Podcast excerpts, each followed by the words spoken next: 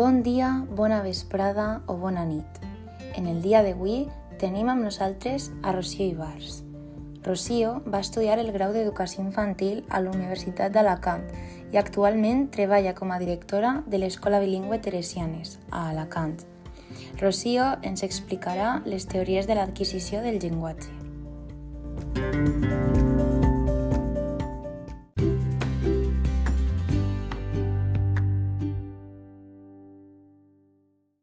Bon dia! És una alegria estar així amb vosaltres. A continuació, m'agradaria parlar-vos sobre les teories de l'adquisició del llenguatge, les quals han evolucionat molt amb el cap dels anys. En primer lloc, tenim la teoria psicoanalítica, la qual va sorgir en el segle XIX. Per una banda, Freud i Jung reivindicaven la relació entre el llenguatge i la vida afectiva. I per altra banda, tenim a Bowley, que deia que les conductes entre el nadó i la mare marquen la formació del vincle afectiu, sense el qual poden aparèixer problemes conductuals.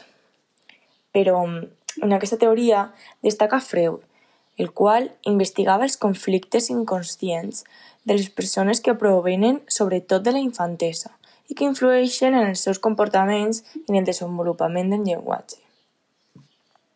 En segon lloc, tenim la teoria conductista. Aquesta teoria va ser un pas en l'estudi de l'adquisició del llenguatge.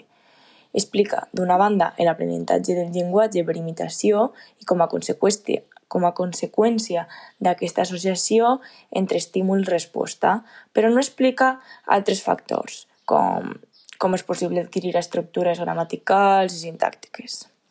Watson, Skinner i Bandura postulen que l'adquisició del llenguatge respon al condicionament clàssic per repetició o per observació.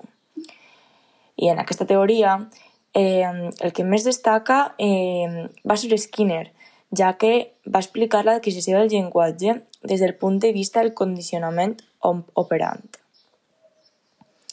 En tercer lloc, la teoria innatista. Aquesta va suposar una revolució en la lingüística contemporània, perquè va plantejar una alternativa a la teoria conductista.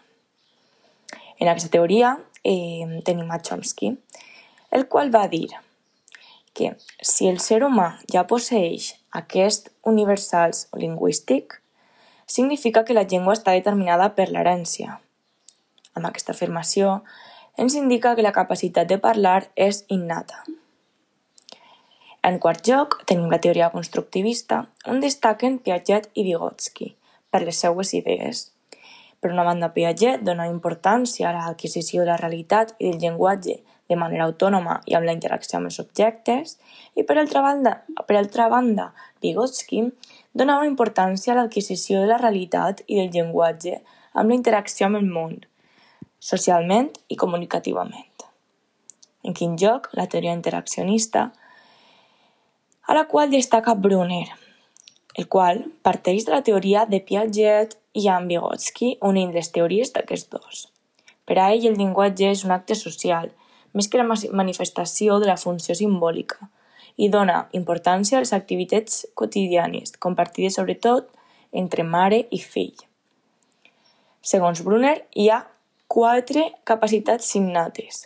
L'acció encaminada a aconseguir un fi, eh, el grau de sistematització de les accions, capacitat d'abstracció per afrontar-se a altres contextos d'espai, temps i causalitat i l'adaptació a actuar en àmbits reduïts.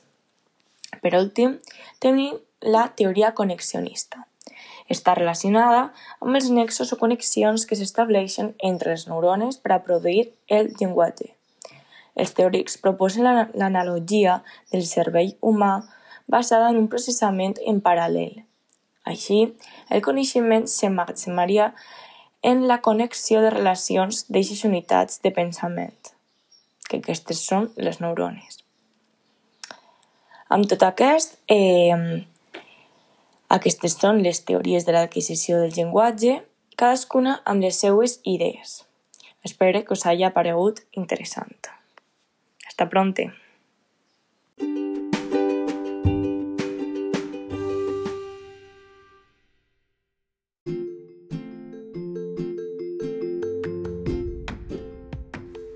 Moltes gràcies, Rocío, per la teua intervenció. I fins així el podcast d'avui. Esperem que us hagi agradat i resultat interessant. Demà tornem amb un nou podcast.